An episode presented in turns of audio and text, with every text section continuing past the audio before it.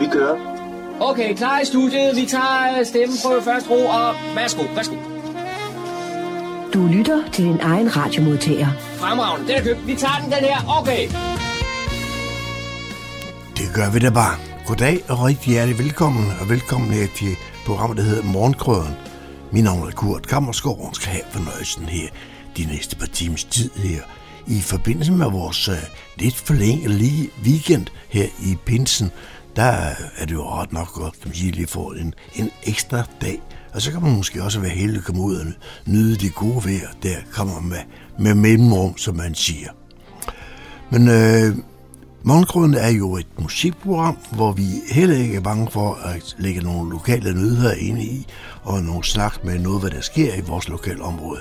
Og det kan jeg blandt andet nævne i dag, at vi er, får et besøg, eller vi skal snakke om, at der, der, der er sikkert en hel del øh, i dagspressen i senere tid, har læst om, at Nordfos, som er et forbrændingsanlæg, som ligger oppe i Hørsholm, de er, men øh, som vi også her i vores kommune er medejer øh, af, det skal måske, kan man sige, det kan godt risikere i hvert fald, at de går konkurs, som kan man sige, med følge af, at vores kommune kan komme til at øh, skylde i under, under øh, underkanten af omkring 100 millioner kroner. Og det er jo ikke noget, som borgmesteren han er særlig glad for. Så derfor har den haft en snak med borgmesteren omkring øh, de, øh, de mange millioner, der står på, øh, på højkant her nu. Det skal vi høre først her i udsendelsen. Så har vores dansklub, som I ved, der er meget aktiv, de har været en tur til festival, Jazz Festival i Dresden. Don Marco han var med dernede, og vi skal høre lidt mere om, at, øh, om turen i al almindelighed, og på øh, også en uh, par musikprøver dernede fra. For det var med to, så vidt jeg er informeret, så var der to danske orkester med dernede også. Den, han har også fundet nogle lokale nyheder, og dem finder han jo frem på humleborg.dk. Cyberværet har vi også med i dag. Det kommer sidst i udsendelsen. Og så har Tikøb og Asmindrud Grønhold Jagtforening, de har nu, øh, er nu fusioneret. Og vi har haft besøg af den her studie, og Søren han har talt med den for at høre, hvad det kommer til at betyde for medlemmerne, medlemmerne af de to øh, jagtforeninger, altså Tikøb og Asmindrud Grønhold Jagtforening. Det hører vi mere om i løbet af formiddagen også. Og så hører vi tit også om alt den bøvl og unødvendige arbejdsgange, der er på kommunen. Man skal registrere alverdens ting, man skal gøre dit, man skal gøre datten, og hvem bruger det? Ja, det er det, skal man jo prøve at finde ud af nu. I hvert fald så har øh, byrådet, som på, her, på den, deres næste møde, så derfor, at det vil lige kigge på, der skal, det kan ikke være rigtigt, at man skal gå og lave en masse øh, unødvendige ting, som, øh, som ingen bruger til nogen som helst ting. Og så vil man spørge brugerne, altså ret sagt øh, medarbejdere, om at sige, hvad synes I, vi går og laver, som ikke nogen bruger? Det var måske også en god idé.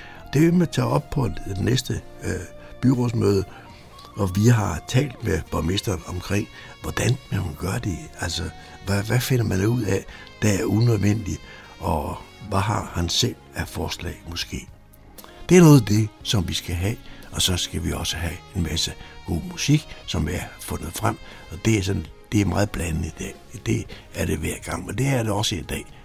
Men uh, velkommen til Morgenkrøden. Rigtig god fornøjelse.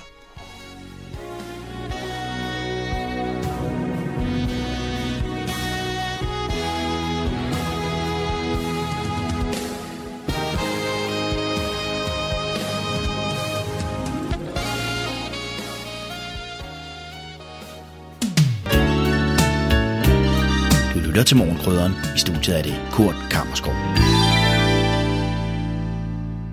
Næste indslag omhandler lokalpolitik i Fredensborg Kommune.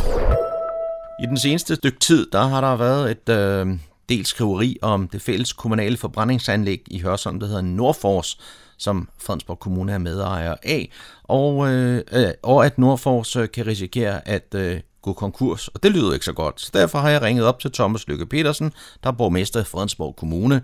Velkommen til, Thomas. Mange tak, Daniel. Lad os lige øh, få, få klarhed over, hvad er det her, den her sag går ud på?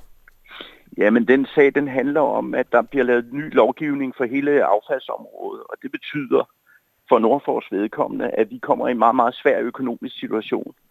Vi har jo her for et par år siden har vi investeret i en øh, ny og effektiv ovn, formentlig en af de mest effektive, energieffektive ovne i Danmark. Og, øh, og dermed har vi opbåret en gæld på, jeg tror ovnen kostede 800 millioner, så vi har altså nu i dag i hvert fald en gæld på cirka 750 millioner. Og hvis det lovgivningssjusk, øh, som de har lavet derinde, det går igennem, jamen, så står vi i en meget, meget svær økonomisk situation. Du kalder det for sjusk. Har man ikke været forberedt ja. på det her? Nej, jeg synes, det er ikke noget, der gavner miljøet, og det gavner slet ikke, øh, slet ikke de værker, vi har i Danmark. Vi kan godt forstå, at vi skal, vi skal øh, brænde mindre affald af, men, øh, men det man jo gør nu med, den, med det lovforslag, der ligger, og som de desværre vedtager, det er, at det økonomiske grundlag for Nordfors, det bliver meget, meget usikkert. Men du siger, det er noget, regeringen de så faktisk vedtager. hvad, hvad gør I så? Ja. Ja, men, ja, men det der, der er afsat en pulje til at kompensere de værker, som kommer til at stå i en svær situation, men den pulje, det er slet ikke nok. Den er på 200 millioner nu, og det man har regnet ud på landsplan, det er, at man skal bruge, jeg tror det er en 3 milliarder kroner. Ikke? Du kan se alene Nordfors, det er 750 millioner kroner. Ikke? Ja. Så, så, så det er en meget øh, svær og, og trist situation, vi står i med, øh, med værket dernede. Øh, men, men vi håber på, at de at den pulje, øh, som, som der øh, ser ud til at blive sat af, at den bliver hævet, sådan, så vi bliver kompenseret i Nordfors for, for de ulemper, det giver. Ja, jeg har da hørt noget om, at, øh, at der er der penge nok i Danmark. ja, det har, vi, det har jeg også læst til inden for de seneste dage, så man kan håbe, at nogle af de, nogle af de penge, de falder af til, øh, til, til det her lovgivningsforslag, fordi det, det, er, ikke, det er ikke specielt uh, gennemtænkt, og vi har, vi har prøvet at gå i dialog med dem i rigtig lang tid nu, og det kan desværre ende op med, at vi bliver nødt til at sagsøge staten, fordi det, det, det ligner noget, der, der, der godt kunne se ud som ekspropriation af, af værket, desværre. Men det er jo altså noget med, i, i miljøets tegn, man, øh, man tænker sig at gøre det her, ikke? Det er noget med mindre ja, CO2 men, og sådan noget, der skal... Er det ja, godt nok? Jo, jo, jo, men problemet er, at eller, det lovforslag, der ligger, det gør, at de de effektive ovne, vi har i Danmark, det går ud over dem, fordi de er jo de nyeste, og det er der, hvor man har stiftet gæld, og det er dem, der kommer til at lukke måske, øhm, eller blive overtaget af andre osv. Så, så, så, så, så, så det lovgivning, det lovforslag, der ligger i øjeblikket, det er, det er ikke gennemtænkt efter vores mening i øh, Nordfors bestyrelse. Men når du siger, sådan, at, at blive overtaget af nogle andre, det er vel noget med, at man vil liberalisere området, og så er der måske i virkeligheden en, ja. en anden virksomhed, der skal drive nogle Ja, men alligevel, der står også i lovforslaget, at 51 procent af, af, af værket, det skal alligevel ejes af kommunerne. Så, så det er sådan en, en, en, en, det er meget kompliceret stof, det her. Det er en, og derfor det er både kompliceret, og så er det noget rigtig just, de har lavet, desværre. Så i sidste ende, så kan øh, de her fem kommuner som mig og Nordfors stå tilbage med en, med en gæld?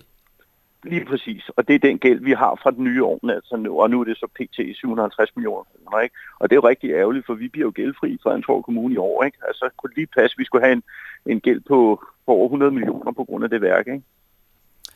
Jamen, øh, så må vi jo se, hvad, hvad der sker. Du siger ja, retssag vi, og så videre. Ja, det... ja, det det, det, det, det vi lægger op til fra Nordfors bestyrelse. Men det bliver sådan et gruppesøgsmål fra de værker, der bliver ramt af det her lovsjusk. Så hvor mange kommunale værker kommer det til at ramme? Uh, jeg tror, det er et par stykker. Det er under 10, ja. som jeg husker. Ja. Mm. Og hvad er tidshorisonten på, at uh, ja, det her... Det, det ligesom... når, lov, når lovforslaget er vedtaget, så vil vi jo, så vil vores advokat jo indlevere et uh, søgsmål mod den danske stat omkring det her. Fordi vi har den holdning, og det har de, de rådgiver, vi har, at det, det er, man kan karakterisere det som ekspropriation. Og så er der nogle helt andre regler, der træder i kraft. Og med det så vil jeg sige tak til uh, Thomas Løkke Petersen for uh, orientering om uh, de her ting. Selv tak. Indslaget var produceret af Daniel Jørgensen. I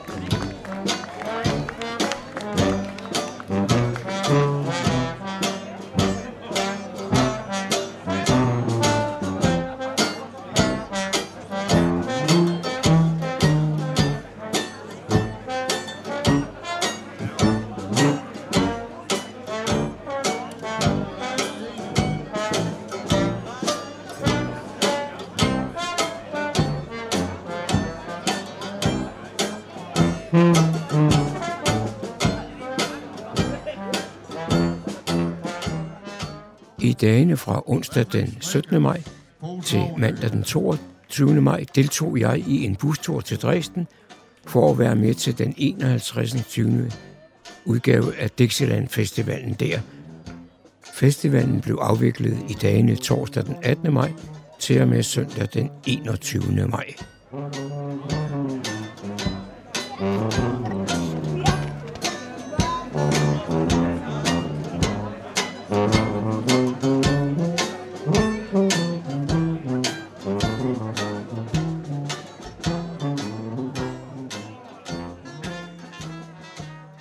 Ved Dixieland Festivalen i år deltog der to danske jazzorkester, jazzbands, nemlig Jazzkompaniet og Scandinavian All Stars.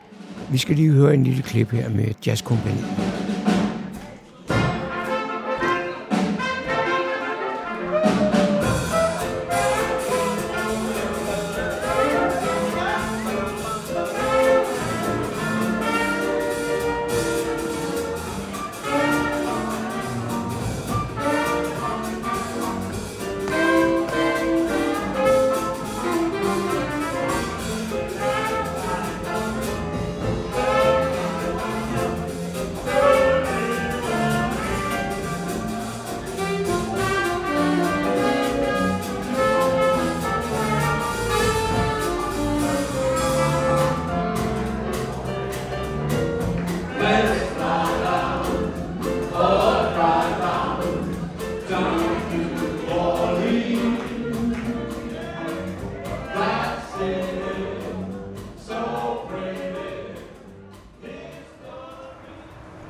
Så står jeg sammen med kapelmesteren her i uh, jazzkompaniet, Christian Wolf.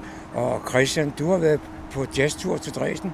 Hvordan gik det? Det gik super. Vi havde nogle dejlige koncerter dernede, og et fantastisk medlevende publikum.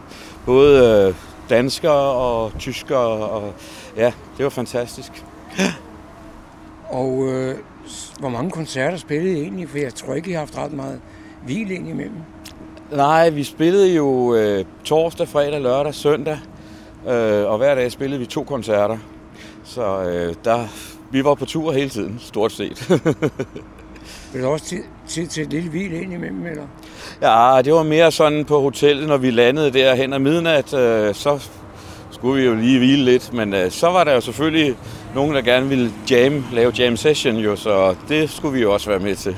Og der har været fuld skrue på i, i en lille uges tid her. ja, det må man sige. Der har været gang i den i hvert fald. så. Så skal vi også lige have en lille smagsprøve på Scandinavian All Stars.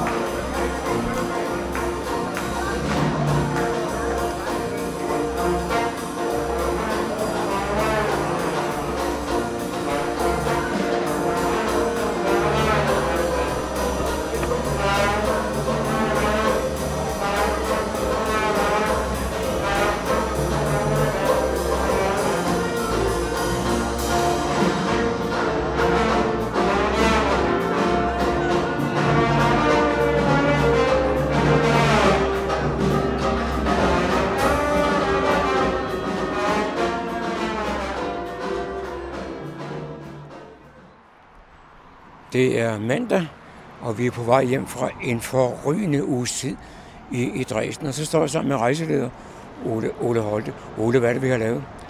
Ja, vi har jo været på den sædvanlige årlige tur til Dixieland Festivalen i Dresden. Europas største festival med masser af jazz. Og øh, det trækker jo rigtig mange mennesker til byen, hvor der er alle de arrangementer i løbet af torsdag, fredag, lørdag og søndag.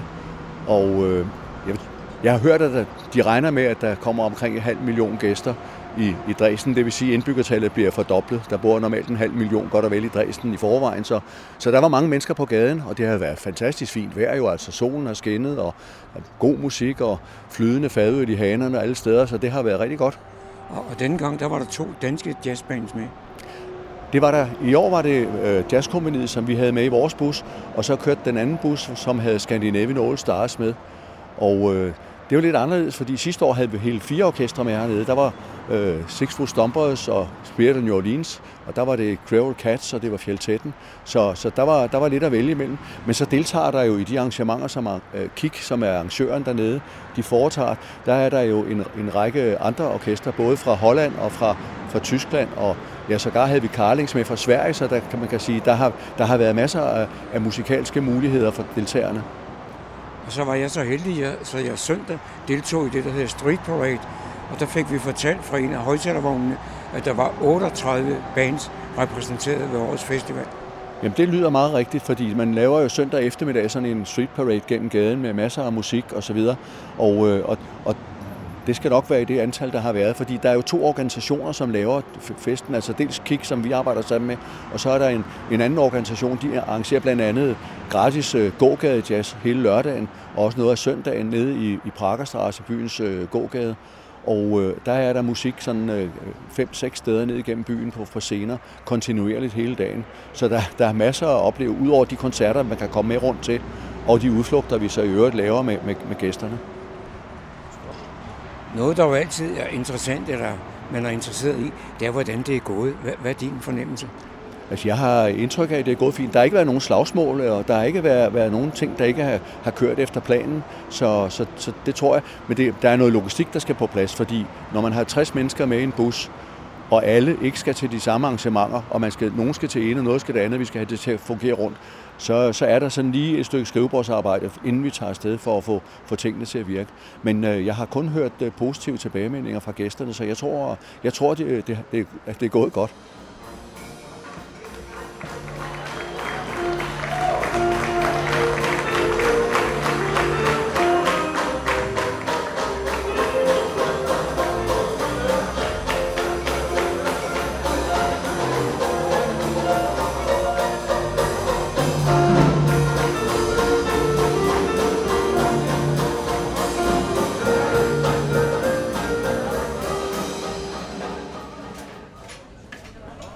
Jeg står her på færgen mellem Rostock og, og Gæsser, og så træffer jeg en af de øh, personer, der har været med på denne jazztur, nemlig Kia. Og Kia, har det været noget af en oplevelse? Det var en fantastisk oplevelse, der har været fuld gang i den hver dag med mange, meget dejlig musik og mange spændende bands. Det har virkelig været noget, man har lyst til at komme til igen. Og udover det med at høre, høre jazzmusik, som det egentlig drejer sig om, så har der også været nogle andre ting på programmet. Ja, vi har haft en uh, utrolig god rundtur rundt i byen med en vældig sød guide, og vi har været tur på et museum med porcelæn, Meister øh, porcelænet, og det var også interessant, når man aldrig har set det før. Det har under alle omstændigheder en fantastisk tur, som Uwe Holte har lavet. Han, han gør det perfekt. Og noget, du kunne tænke dig at deltage i en anden gang? Helt sikkert. Meget gerne.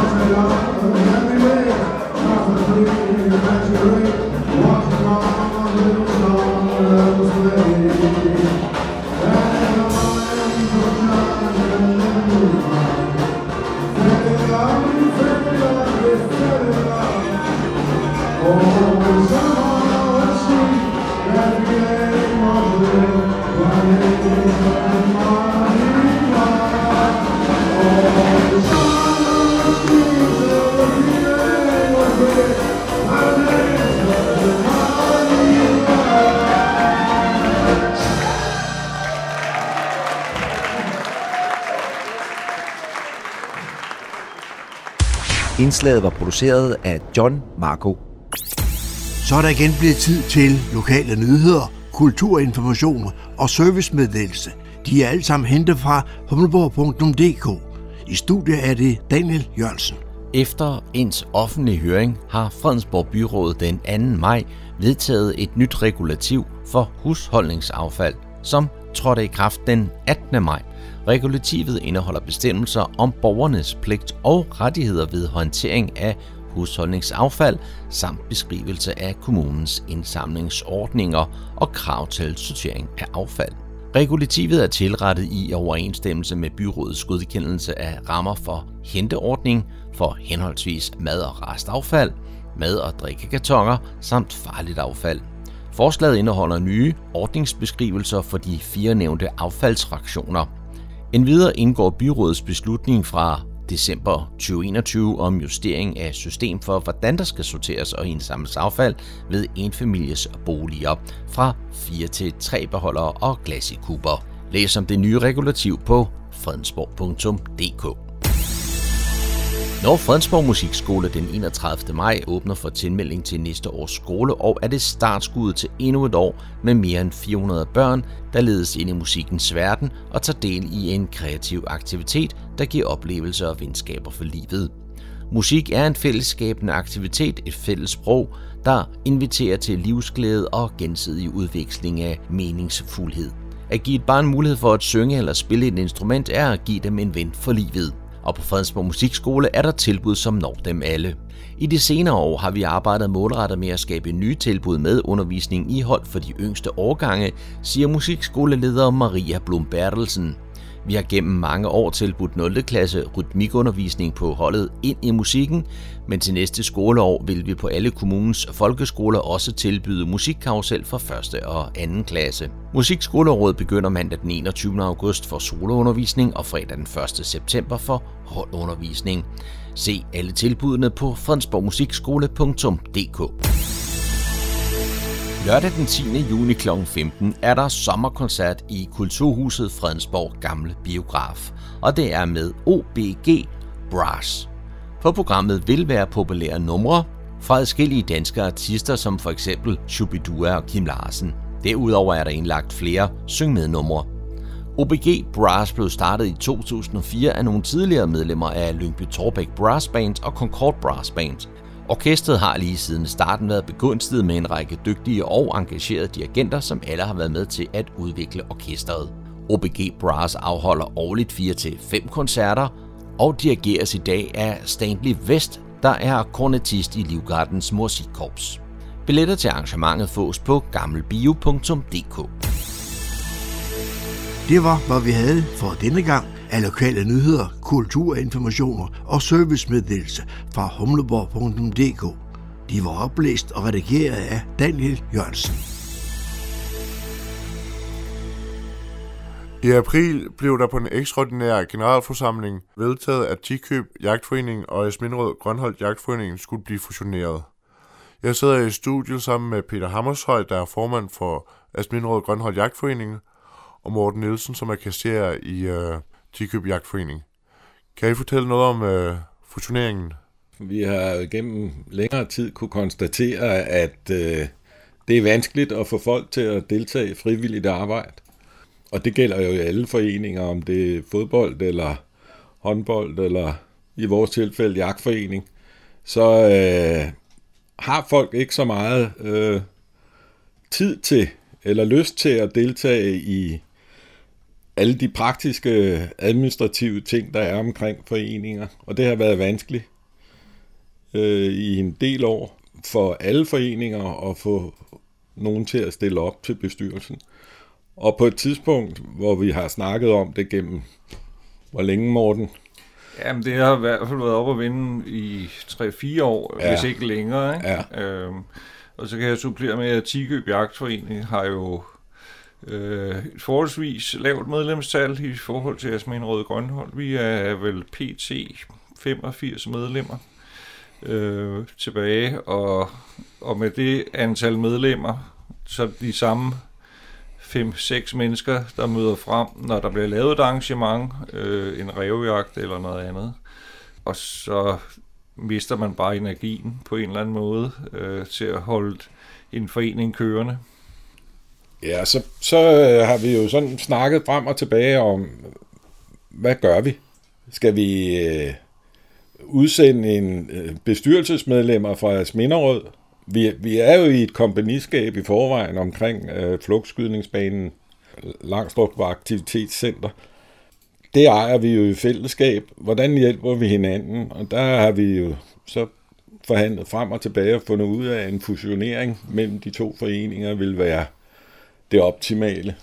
Og, og her i begyndelsen af året begyndte vi seriøse snakke om, hvordan man skulle gribe det an. Der er en masse praktik, der ligger og skal falde på plads. Medlemmerne skal orienteres, generalforsamlinger skal afholdes. Hvordan gør vi med den formue, der eksisterer i tikøb, når de skal fusionere med os, og i forhold til ejerskabet på skydebanen. Og alle de her praktiske, juridiske ting, skulle vi jo have til at falde på plads og blive enige om. Og, og det har vi jo så arbejdet øh, med hele foråret.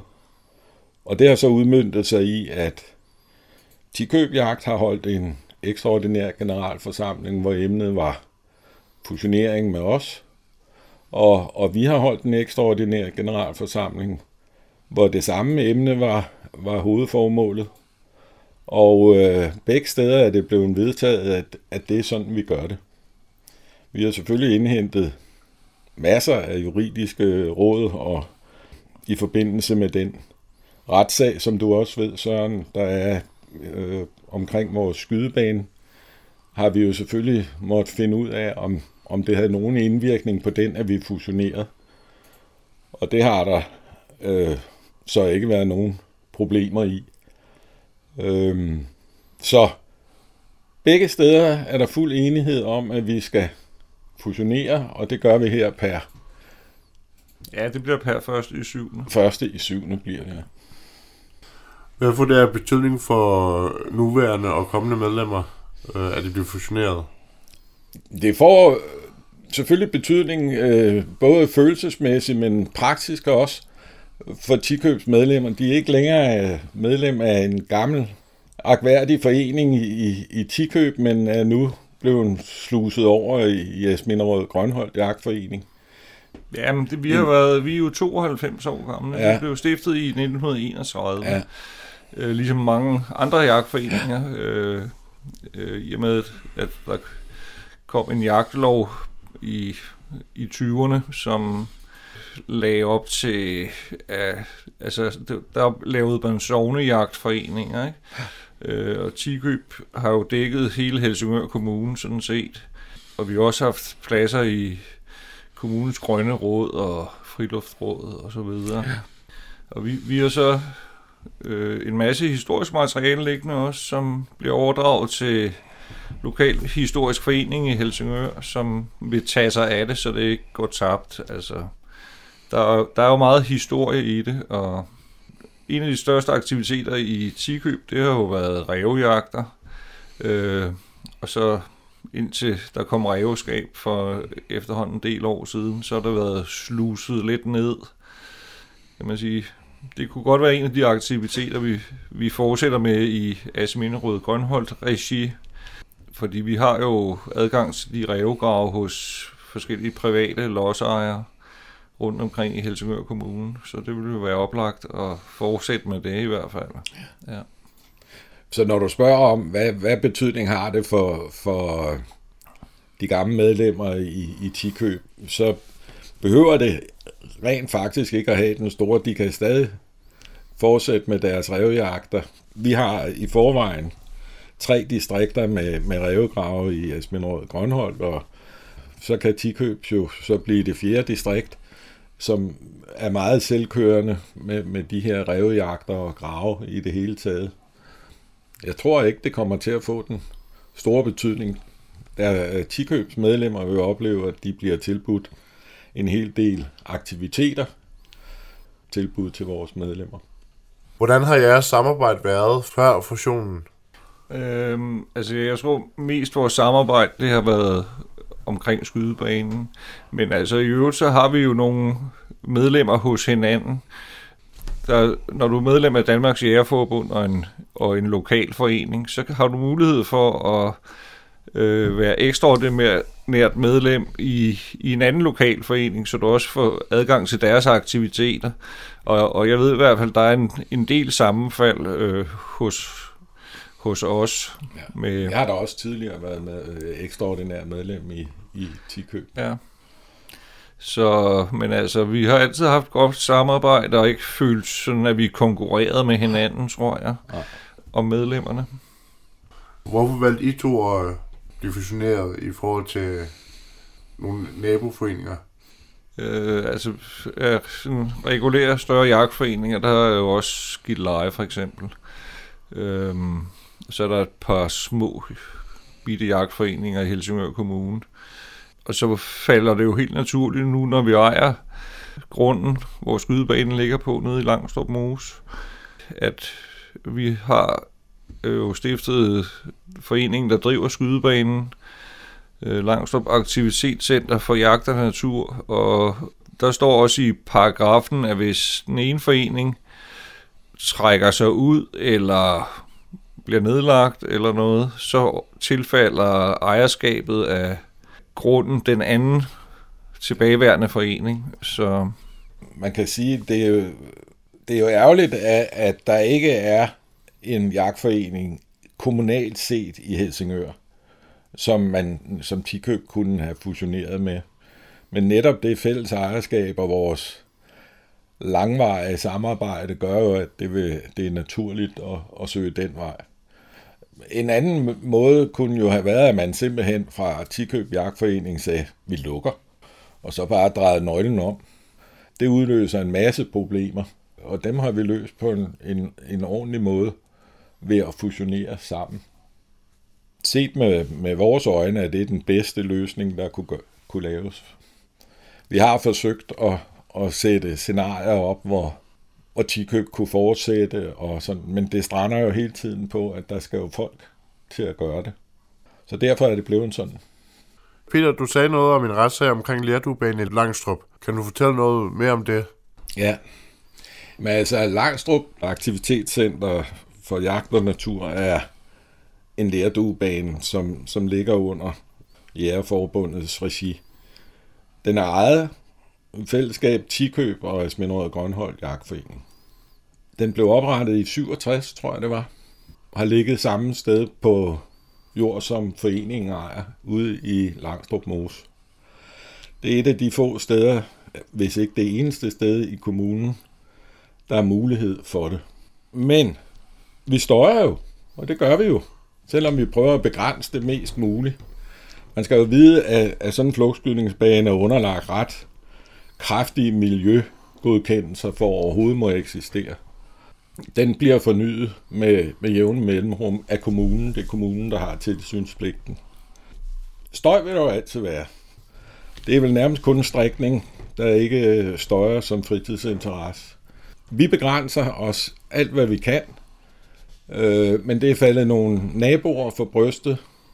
Naboer, som jo til stor del er flyttet til længe efter vi blev etableret, og de har jo været velvidende om, at det var der.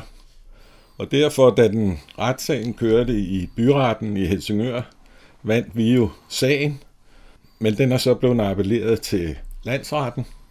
Og lige netop i denne uge har vi fået fastsat retsdagene, og øh, det er præcis om et år fra nu af, at den skal i landsretten. Så må vi jo se, hvad der sker. Vi håber, at øh, vi inden den tid har opfundet, nej, de er opfundet, men, men en ny patron, som, som støjer væsentligt mindre og ikke giver det her overlydsknald, så vi øh, kan øh, skyde uden at genere væsentligt, som nogen føler det er. Det er en 4-5 naboer i afstand over 800 meter fra skydebanen, der har klaget. Og det er der, den er nu. Og der er jo selvfølgelig gået en masse forudgående undersøgelser med syn- og skønsmænd og beregninger og alt sådan noget forud. Men øh, vi venter og ser, hvad der sker. Du lytter til morgenkrydderen. Hvis man godt kunne tænke sig at være ny jæger og medlem af en øh, jagtforening, hvordan starter man processen? Er det bare at melde sig ind i Dansk Jægerforbund og så vælge øh, lokalforeningen derfra, eller? Det kunne jo være første skridt at melde sig ind i Jægerforbundet, og når man gør det, så vælger man også, hvilken lokal forening man vil være medlem af. Så skal man jo have, gerne have et jagttegn, og det øh, tilbydes jo på mange forskellige måder. I vores forening øh, tilbyder vi det gennem LOF, øh, hvor jeg underviser, og på ungdomsskolerne, både i Helsingør og Fredensborg og, og Hørsholm. øh, har et samarbejde omkring. Men, men øh, LOF øh, i Helsingør har tilbud om jagttegn, og øh, det vil være naturligt at tage det. Øh, vi har undervisning op på det gamle planteafstation, hvor, hvor ungdomsskolen holder til os. Og der har vi så undervisning hele vinteren. Og så deltage i, hvad der måtte være og tilbydes fra foreningen løbende. Lige fra skydning til jagter til kurser. Og fordi fordelen ved at være medlem af Asmin, af Asmin Grønholdt Jagtforening som lokalforening, er jo, at vi ligger ind under Jægerforbundet, og dermed også giver vores medlemmer adgang til et kæmpe udvalg af meget relevante kurser, man kan tage løbende. Og for nogens vedkommende er de gratis, og for andre koster de lidt. Men set i betragtning af, hvad jagtet ellers koster, så er de tilbud meget billige og, og relevante. Så ja, meld dig ind i, i Danmarks Jægerforbund, og så øh, find den lokalforening, man hører til. Det kunne jo godt være, at man havde en tilknytning til Allerød Jagtforening eller Hørsholm Jagtforening. Men ved at være medlem under Danmarks Jægerforbund, så har man jo ligesom adgang til at vælge, hvad man vil, og hvad der passer i, hvor man har sine præferencer. Ikke? Når man tager et jagtdanskursus, findes der så nogle forskellige længder, sådan noget som korte eller lange? Altså, der er jo, der er jo to typer øh, kurser. Der er det, vi kalder weekendkurser. Der er et minimumskrav for at få et jagttegn. Og det er, er vedrørende antal undervisningslektioner i teori og et antal i praksis. Og det kan man korte ned, så det kommer til at passe efter nogle, nogle regler på et, nogle weekender. Jeg foretrækker øh, den model, jeg kører, øh, og som, som rigtig mange kører, det er lange øh, kurser, hvor man har færre timer i løbet af ugen og over længere tid. Det er et omfattende materiale, man skal sætte sig ind i. Øh, så de fleste har godt af at bruge lidt tid på det. Ikke at sige, at man ikke kan tage dem på weekendkursus, for det kan man sagtens. Men man skal virkelig, virkelig, virkelig, virkelig være vant til at læse og tilegne sig viden, hvis man skal nå på 20 timer og tilegne sig, hvad man hos mig er for eksempel 40 timer om at få undervisning i. Det giver en masse øh, hjemmearbejde og, og læsning, og det er kompliceret lovstof. Det er 73 forskellige fugle. Det er alle vores rovdyr. Det er en jagtlovgivning, som er temmelig kompliceret at, at læse. Man skal igennem. Så det vil anbefale, at man tager et vinterkurs med nogle timer hver uge. Det kræver også, at man, man sætter et vinterhalvår til det. Typisk så begynder vi sidst i oktober og er færdige med undervisning og skydebane øh, slut marts, og så starter prøverne i april. De officielle prøver fra Naturstyrelsen. Til dem, der er interesseret i jagt, kan de komme med som gæst på en foreningsjagt for at se, om det kunne være noget for dem? Det kunne vi sagtens arrangere. Vi har altid brug for nogen, som vil vil gå igennem og, og være hjælper og, og kigge, og man, det, det kan vi sagtens arrangere. Hvad har I af aktiviteter i den kommende tid? Ja, altså vi i Tigøb, der har vi jo holdt, øh, som sagt, allerede revjagter, og det skal vi jo have planlagt i god tid, så vi kan lægge det op, op på Fredensborgs hjemmeside. Så det bliver da helt sikkert en aktivitet. Og så har vi holdt altså spejepølsekurser, hvor medlemmerne har mulighed for at komme øh, med deres kød og få lavet, så laver vi spejepølser ud af det sammen med, med mig som vejleder. Øhm, så det bliver helt sikkert også en aktivitet. Ja, og så har Asminderød jo en, en god liste også, som Peter måske lige kan fortælle lidt om. Altså, en af de... Øh, vi har et klubmesterskab i havskydning på skydebanen i løbet af, af her sommeren. Og så har vi, når jagterne begynder, har vi den 13. oktober, uanset hvad dag den 13. oktober så falder på, har vi revjagt, som udgår fra med en øh, gudstjeneste i Grønhold Kirke, så er vi så på revjagt, og så slutter vi med at spise, øh, det har været tradition for gule ærter, sammen efterfølgende. Det er ikke fordi, der ligger så mange ræve på paraden, men fællesskabet og, og, og hele setup'et gør, at det er meget velbesøgt. Så har vi tilbudt til en masse nye jæger øh, om, om jagter, blandt andet nogle jagter på nogle kommunale øh, områder, men også øh, på private områder. Så der er mulighed for at tilmelde sig til det. Så øh, kører vi jævnligt kurser i, i øh, sundhed og vildhygiejne øh, og, og vildsundhed. Vi har øh, også revegrave, som, som vi talte om tidligere, der kører jagter på. Så har vi en smule regulering, øh, hvor vi har uddannet jæger til at være reguleringsjæger, så de er godkendte med identifikation og alt muligt, så de kan gå i det offentlige rum og være bevæbnet, uden at der bliver tilkaldt SWAT-styrker og, og politi, fordi der bliver set en mand med et gevær på for eksempel Humlebæk station, hvor vi har reguleret roer og gør lige nu. I det her øjeblik er der nemlig regulering på, på rågeunger. Så øh, der er masser af tilbud, og løbende kommer der. Sidste øh, år havde vi et tilbud om lokkejagt på rev. Vi har planer om sammen med Hillerød Jagtforening at lave kursus i gåsejagt, og øh, der kommer løbende nye ting til. Så har vi vores traditionelle bankospil i november måned, hvor præmierne er vildt i den udstrækning, vi kan gøre det øh, hygiejnisk. Det plejer også at være en festlig tilbagevendende begivenhed. Så der er masser af støbsken. Man kunne forestille sig portvinsmagning i forbindelse med madlavning og ølsmagning i forbindelse med, kan man stege i øl. Og, altså, der er masser af muligheder. Nu hvor du snakket om uh, regulering. Ja. Uh, kan du fortælle, hvad forskellen på regulering og almindelig jagt er? Ja, almindelig jagt er underlagt jagtloven, og, og det vil sige, at der er nogle faste jagttider og tidspunkter, hvor man må jage og efter nogle forskrifter omkring det. Regulering er jo øh, et indgreb i, i naturen, som, hvor nogle vildarter har en uønsket adfærd. Man kunne for eksempel regulere rev, fordi de har skab, som er vældig smitsom og dødelig for reven og meget smertefuldt. Det gør vi i stor udstrækning med fælder efter nærmere angivende regler.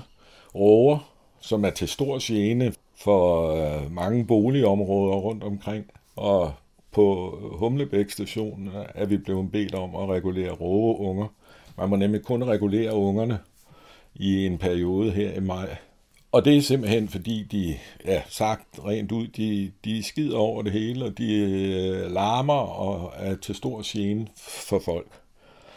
Og så kan man jo så sige, jamen, øh, det er jo fugle, og det er natur, og men, men det er jo bare det, at fuglene er trukket ind i, i boligområderne, fordi meget øh, af den naturlige adfærd er blevet begrænset i, at med masser af landbrugsjord er blevet nedlagt, eller ikke tiltrækker dem mere. Så uanset om man siger, at fuglene var her først, eller hvad man kan finde på, så er de altså til gene og til øh, sundhedsskadelig man kunne forestille sig en rågekoloni i en børnehave, hvilket er tilfældet inden for kommunen, hvor, hvor de skider ned på børnenes legetøj og temmelig uhygiejnisk, og det vil man jo godt begrænse. Og regulering er underlagt nogle helt stramme vilkår, og man skal søge tilladelse til det hver eneste gang hos vildkonsulenten, altså hos Naturstyrelsens folk. Jeg kan jo supplere med, at vi har haft rigtig meget reguleringsjagt, på, eller ja, det har været med fælder efter mink øh, i samarbejde med Naturstyrelsen gennem de sidste fem år. De vil jo gerne have nedbragt bestanden af vilde mink i naturen, fordi de ikke er hjemmehørende i Danmark. Det er såkaldt invasiv art, og de holder til på kysten og langs vandløb. De er meget knyttet til vand og, og rundt omkring søer og så videre. Havne havne, ikke mindst, ja. Og vi har haft rigtig stor succes med det. Da vi startede, fangede vi vel 100 mink det første år alene øh, i vores lille gruppe på fem mand. Øh, og så er det faldet stødt. Der er en lille smule opblomstring sidste år på, ude på kysten i hvert fald. De kravler ombord i folks både og splitter dem ad og skider over det hele. Og, ja, og, og, og så tager de jo en masse fugleunger og, og fisk op i åerne selvfølgelig. Ikke? Ja. Så det er også en, en aktivitet, der skal man så lige have et reguleringskursus først. Så indrapporterer vi alt, hvad der bliver fanget, det bliver indrapporteret til Naturstyrelsen, så de holder styr på, på bestanden, om man så må sige. Og det, den samme historie er jo også hos os. Vi har jo nogle havne i kommunen. Vi har jo haft Humlebækhavnen, Slettenhavnen, Niveauhavn, øh, hele å-systemet omkring øh, Niveauen og udløbet nede i Niveau og øh, haft fælder for, for mink også. Er det primært kun øh, mink og rev, eller er der også øh, andre dyr eller invasive arter, vi kan blive nødt til at Altså her, her i Nordsjælland er vi jo heldigvis forskånet for, for morhund. Så de invasive arter, vi har her, det er jo, det er jo mink. Og øh, det er dem, man koncentrerer sig om heroppe i Nordsjælland. Hvad gør man, hvis man som uh, privatperson ser en mink i for eksempel sin baghave, eller ja. på en god tur, eller kan man tage kontakt til jer direkte, eller skal man tage ja. kontakt til politiet eller kommunen først? Ja, kommunen har på kommunens hjemmeside omkring skadevoldende vildt, er der henvisninger til, hvordan man skal gøre, og med numre til, til nogle folk, der tager aktion. Politiet gør ikke noget i den retning. Kommunen gør heller ikke noget, de har udliciteret det til os. Men, men der er jo indberetningspligt, lige så vel som der er med rotter. De fleste bliver forskrækket, når de ser en mink, når de kommer gående langs en å, for eksempel Niveåen ude i knoren på hegn, eller sådan noget, og så pludselig ser sådan en lille sort dyr, der farer afsted. Øh, er det en mor? Er det en ilder? Er det, eller hvad er det? Men, men det kan vores eksperter jo sagtens øh, til vare på. Og vi har en koordinator for, for regulering, Jørgen øh, Østergaard, og hans nummer det fremgår af vores hjemmeside. Så hvis man har nogle observationer, det gælder også skabdrev, så er man meget velkommen til at ringe til ham. Og med den opfordring vil jeg sige tak for jeres besøg. Men øh, tak fordi vi måtte komme. Det er jo ja, altid hyggeligt at besøge Indslaget var produceret af Søren Hybsmand Næste indslag omhandler lokalpolitik i Fredensborg Kommune. Thomas Lykke Petersen, borgmester i Fredensborg Kommune på byrådsmødet øh, i den øh, kommende tid her, der skal I snakke om opstart af mindre bøvl og mere mening. Hvad ja, handler det om? Det Jamen det handler jo om, at, og det har jeg jo sagt i alle de år, jeg har været borgmester, at der kommer alt for meget øh, byråkrati, især fra, fra staten, øh, som lander ude hos kommunerne, og så skal vi bruge tid og energi på det, og meget af det, det giver faktisk ikke mening. Øh, noget af det giver mening, men meget af det giver ingen mening, og derfor har vi startet et internt projekt op i Fredensborg Kommune, som byrådet nu her på mandag vedtager, hvor vi kalder overskriften er mindre bøvl og mere mening. Og det betyder, at alle, i, øh, alle medarbejdere i Fredensborg Kommune, de skal ligesom gå igennem deres arbejdsgang og kigge på, er der noget er der noget, hvad hedder det, byråkrati og nogle arbejdsgange, som ikke giver så meget mening mere, som er utidsvarende. Og så skal vi have det på bordet, og så skal vi beslutte, det gør vi ikke mere i Fredensborg, øh, sådan så vi kan fokusere endnu mere på kerneopgaven øh, i forhold til borgerne. Det har vel også noget med økonomi at gøre det her? Jamen det har det da, altså fordi hvis du har et, et, et arbejde, hvor du bruger måske, lad os sige, du bruger 20% af tiden på nogle ting, som du ikke rigtig inderst inde føler giver mening for hverken borgerne eller, eller andre, så, øh, så skal vi have det skåret væk, simpelthen. Mm. Det er det, det handler om. Kan du komme med nogle eksempel på, hvad der er bøvl? Ja, men jeg har jo et eksempel fra sidste byråds, eller fra, fra sidste økonomiudvalgsmøde, hvor vi havde noget omkring noget brandsyn, som vi jo har haft i, i Danmark igennem rigtig mange år, meget grundige brandsyn, og nu har der siddet nogen inde i et ministerium og fundet ud af, at nu skal det være endnu mere grundigt, selvom vi har nogle af de mest moderne anlæg her i Fredensborg Kommune, og der skal jeg så bruge 1,2 millioner kroner til det, og ansætte en ekstra medarbejder osv., og øh, det, det må vi bare se, og det er jo uanset partifarve her, at se, at det, det, det er der slet ikke brug for. Det er bare et enkelt eksempel på noget, der er kommet fra, fra statens side, og som Kommunernes Landsforening selvfølgelig tager fat i. Men der kan vel også være noget, som I synes er bøvlet, men som I bliver nødt til at øh, effektuere? Jo, jo, det er klart. Men altså, vi har jo også et kommunalt selvstyre. Jeg synes jo, at vi skal have lov til at også prioritere ude i kommunerne, hvad vi finder, der er, at vi vil bruge vores energi på. Øh, fordi noget af det, det bliver slet ikke brugt. Altså alt det der dokumentation, der er forskellige steder i, i kommunerne i dag, meget af det bliver jo ikke brugt desværre. Og det skal vi bare ikke lave i fremtiden. Der, fordi vi har heller ikke medarbejderne til det, vel? Så vi skal tænke os grundigt om. Er, den, er det her noget, som øh, borgerne også ville kunne opleve som øh, sådan en positiv ting i deres hverdag? Jamen altså, jeg vil opfordre borgerne, hvis de oplever noget, de synes, der er ualmindeligt byråkratisk, og de synes ikke giver mening, så kan de bare skrive til mig jo. Jeg har jo min åben dørspolitik, og der kan de bare skrive til mig. Mm. Så tager jeg fat i det. Er det her så noget, øh, nu, nu siger du, at byrådet vedtager det, I stort set måske allerede enige om det. Øh, er det så noget, ja, I også det, følger op på og, og, og evaluerer? ja, ja, altså det er jo ikke noget, der bare slutter sådan. Det er jo, man kan sige, det her projekt, det er jo noget, der skal køre sådan løbende. Og det er jo ikke noget, der slutter i denne her valgperiode. Altså man skal jo hele tiden kigge på, hvad er det for nogle arbejdsgange, som man har i sådan en stor organisation, som en kommune jo er. Og så skal man, og så skal man have det på bordet og diskutere, om giver det her mening for borgeren øh, eller andre. Og, og det er det, vi gerne vil have. Nogle af de steder i organisationen, og det er især også op på sundhedsområdet, hvor der kan være nogle områder, som, hvor, det, hvor det ikke giver mening, men hvor vi gerne vil have mere tid til borgerne, i stedet for at bruge al vores tid på dokumentation. Der kan vel også være nogle, nogle ting, hvor I ligesom har tænkt, hvorfor har vi ikke bare skåret det væk for lang tid siden? Præcis. Det kan også være nogle interne arbejdsgange, vi selv har skabt.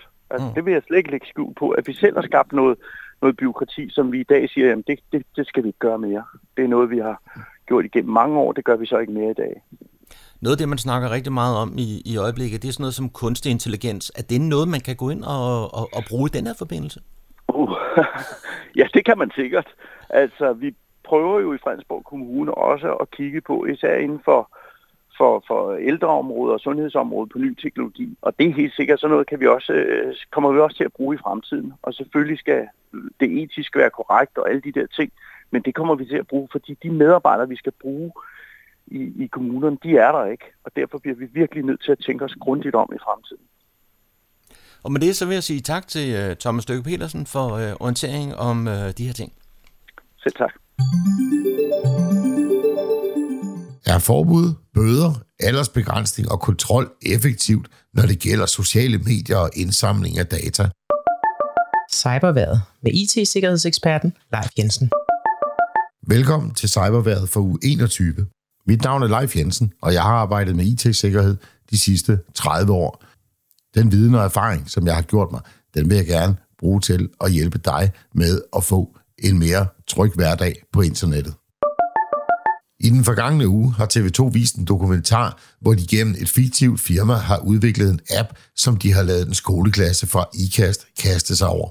Formålet det var blandt andet at vise, hvor meget data, der kan indsamles fra en app, vel at mærke, hvis man har givet de nødvendige tilladelser, når appen den blev installeret. Men det kommer vi tilbage til. Efter dokumentaren, så står landets politikere nærmest i kø for at sige, hvor frygteligt det er, og nu skal der laves forbud og kontrol. Man kunne godt fristes til at tro, at de politikere, de har boet på månen siden midten af 90'erne, der hvor World Wide Web gjorde sit indtog, og hvor vi i vores begejstring for det her nye vidunder overhovedet ikke tænkte over, hvor mange data vi delte om os selv og med hvem. Der er ikke noget nyt i, at data de bliver delt. Og det har vi fra IT-sikkerhedsindustrien advaret om i rigtig mange år. I Danmark der er det ulovligt at indsamle og behandle personoplysninger på børn under 13 år, hvis ikke personen eller forældremyndigheden har givet samtykke til det. I EU-regi der gælder reglerne børn op til 16 år. Og det er også rigtig godt, at vi forsøger at passe på de unge mennesker, men det er desværre ikke så let, som det lyder. Det er klart, at hvis der er tale om en dansk udviklet app, så er det forholdsvis let at følge op på, om loven den bliver overholdt. Men hvis appen eller spillet nu er udviklet uden for EU, for eksempel i USA eller Kina, så er det altså ikke helt så let, for de har måske andre love, end vi har her i Danmark og i EU. I den digitale verden, der er der altså ikke de samme grænser, som vi kender det fra den analoge verden. Hvis et egentligt forbud det skulle være effektivt, så ville det kræve, at alle lande i hele verden de kunne blive enige om at følge de samme regler. Men når vi ikke engang kan finde ud af at blive enige om at passe bedre på vores planet, så er det nok næppe sandsynligt, at vi kan nå til enighed om, hvordan apps de skal fungere. Men hvad gør man så? ja, min anbefaling, det er, at forældre de får en tættere dialog med deres børn og hjælper dem med at forstå vigtigheden af at sige nej til at spille må bruge mikrofon, GPS og kontaktpersoner. Har appen brug for det, som for eksempel det tilfælde med spillet Pokémon Go, ja, så er det vigtigt, at man kun giver tilladelse, mens appen den kører. Forældrene, de bør nok være forberedt på, at børnene de ved væsentligt mere om teknikken, end de selv gør. Men det er jo sådan set godt nyt, fordi så kan man få en gensidig samtale, hvor begge parter kan lære noget af hinanden. For at komme i gang med den her øvelse, så kan man jo gennemgå alle apps, der allerede er installeret på alle telefoner, og kigge på, hvilke tilladelser, der er givet, og så fjerne dem, som ikke er nødvendige. For de unge mennesker, der er sociale medier blevet en meget stor del af deres hverdag og deres sociale kontakt til vennerne. Så personligt, så vil jeg ikke anbefale alt for mange forbud. Det tog, det er altså kørt tilbage i slutningen af 90'erne. Når det er advarer via appen Mit Digitale Selvforsvar, at der er falske mails og sms'er, som man skal være meget opmærksom på. De lyder så nogenlunde sådan her. Kære kunde, vores svindelafdeling har netop opdaget et mistænkeligt login-forsøg på din netbank. Vi har som sikkerhedsforanstaltning spærret for dine betalingstransaktioner, der har forsøgt logge ind fra et sted, der ikke er kendt af os. Hvornår? Tirsdag den 16. maj kl. 01.52 fra Madrid i Spanien, og så en IP-adresse. Og så øh, står der, at man skal bekræfte via knappen nedunder, øh, efter endt verificering vil din konto blive genåbnet. Og så en venlig blå knap, hvor der står fjernblokering. Den skal du selvfølgelig overhovedet aldrig trykke på, fordi det eneste, den, app, øh, den knap, den gør, det er, at det logger dig til at give en masse oplysninger omkring dig selv, øh, og brugernavn og password, og måske endda noget MitID login. Så lad være med det. Er du det mindste i tvivl om, om der er noget galt, så kontakt banken. De vil aldrig kontakte dig på den her måde. Det var cyberværet for denne gang. Vi høres ved i næste uge. Lytter til morgenkrydderen. Så er der igen blevet tid til lokale nyheder, kulturinformation og servicemeddelelse. De er alle sammen hentet fra humleborg.dk. I studiet er det Daniel Jørgensen. Og denne gang med fokus på grundlovsdags arrangementer. Og vi starter med et arrangement i Karlebo. Traditionen tro afholder Venstres forening i Hørsholm og Fredensborg grundlovsmøde i Længe ved Karlebo Kirke. Årets taler bliver indrigs- og sundhedsminister Sofie Løde fra Humlebæk. Arrangementet begynder kl. 11.30, hvor Venstre byder på kaffe, te og en fællessang. Sofie Løde holder tale kl. 12. Deltagerne opfordres til at medbringe frokost, som man kan nyde efter det officielle program. I Danmark er Grundlovsdag det nærmeste, vi kommer på en nationaldag. Grundlovsmødet er en fejring af det danske demokrati og det tager afsæt i indførelsen af den danske grundlov fra den 5. juni 1849. Vi kan derfor forvente en tale, der både handler om demokratiets principper og aktuelle politiske problemstillinger. Derfor er alle velkommen uanset partifarve eller mangel på samme. Der findes ikke dårligt vejr, bare frit valg. Ved godt vejr er vi udenfor, ved mindre vejr går man indenfor, fortæller Inge Poulsen fra Venstre i en pressemeddelelse. Længe ved Karlebo Kirke findes på Hesselrødvej nummer 2 i Kokkedal. Fredensborg Møllerlag inviterer til grundårsdag ved Højsær Mølle. Begivenheden foregår på Møllebakken, Højsærvej 8. Viceborgmester i Fredensborg Kommune, Christian de Chanquier fra de Socialkonservative, holder grundlovstalen, og møllen er åben for adgang. Grundlovstalen holdes kl. 10.30, og man forventer en sprudlende, men også en alvorlig og aktuel tale, fortæller Niels Erik Bølling fra Fredensborg Møllerlav. Efter talen vil møllen være åben, og der er fri adgang indtil kl. 14.30. Fredensborg Møllerlavs frivillige, der er til stede, kan berette om denne fredede bygning, som er fra 1870. Gennem en lang periode forarbejdede den bøndernes korn til mel. I møllens indre kan man få lejlighed til at studere mange tekniske detaljer i en af datidens maskiner. Møllelaget byder også på kaffe samt saft eller vand til børnene. Da Møllebakken er et offentligt kommunalt areal med mange borde og bænke, er det et oplagt mål for en udflugt med madkurv. Da der ikke er bevilling til øl og vin, er man velkommen til selv at medbringe. Og så er der særåben på Nivogårds malerisamling fra kl. 11 til kl. 17 på Grundlovsdag. Og her kan man opleve udstillingen, gå en tur i parken, nyde en frokost i caféen eller på terrassen og være med, når årets grundlovstaler går på podiet. Den holdes kl. 14 i parken ved chefredaktør for Kristelig Dagblad, Jeppe Duvo. Han tiltrådte for et års tid siden stillingen som chefredaktør på Kristelig Dagblad, efter at have været avisens nyhedschef siden 2007. Han har tidligere været debatredaktør og chef for lederskribenterne på Berlingske. Kom og hør Jeppe Duvå fortælle om vores fælles demokratiske fundament i et nutidigt perspektiv i årets grundlovstale. Konstantin Hansens maleri, den grundlovsgivende rigsforsamlings første møde i Rigssalen på Christiansborg Slot fra 1848, er et blivende bevis på, at grundlovens indførelse betød meget for museets stifter Johannes Hages familie. Det var faren Alfred Hage, der i 1849 bestilte værket af kunstneren, og Johannes Hage voksede op med det kolossale maleri på væggen i spisestuen i sit barndomshjem på Kongens Nytorv. Værket, der i dag er permanent udstillet på Frederiksborg Slot, kan ses som foto i Nivogårds malerisamlings aktuelle fokusudstilling om Johannes Hage i anledningen af 100-året for hans død og fonden Den Hageske Stiftelse.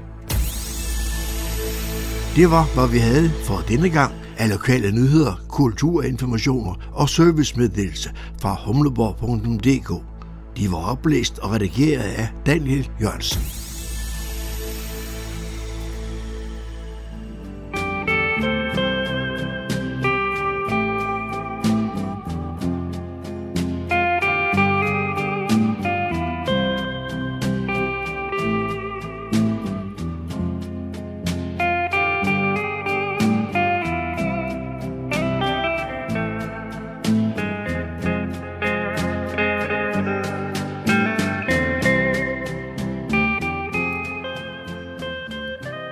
Toner fortæller os, at vi er nået til afslutningen på denne uges udgave af programmet, der hedder Morgenkrøden.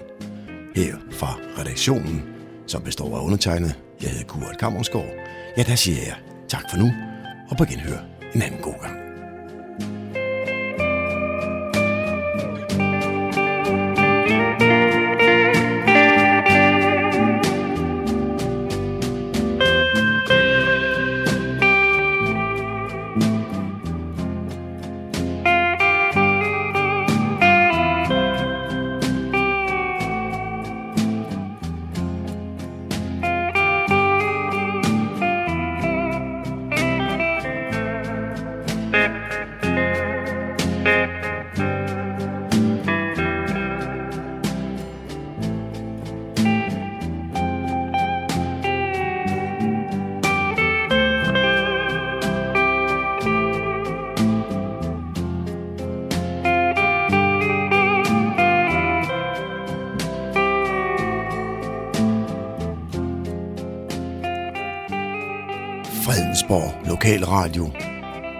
Humleborg.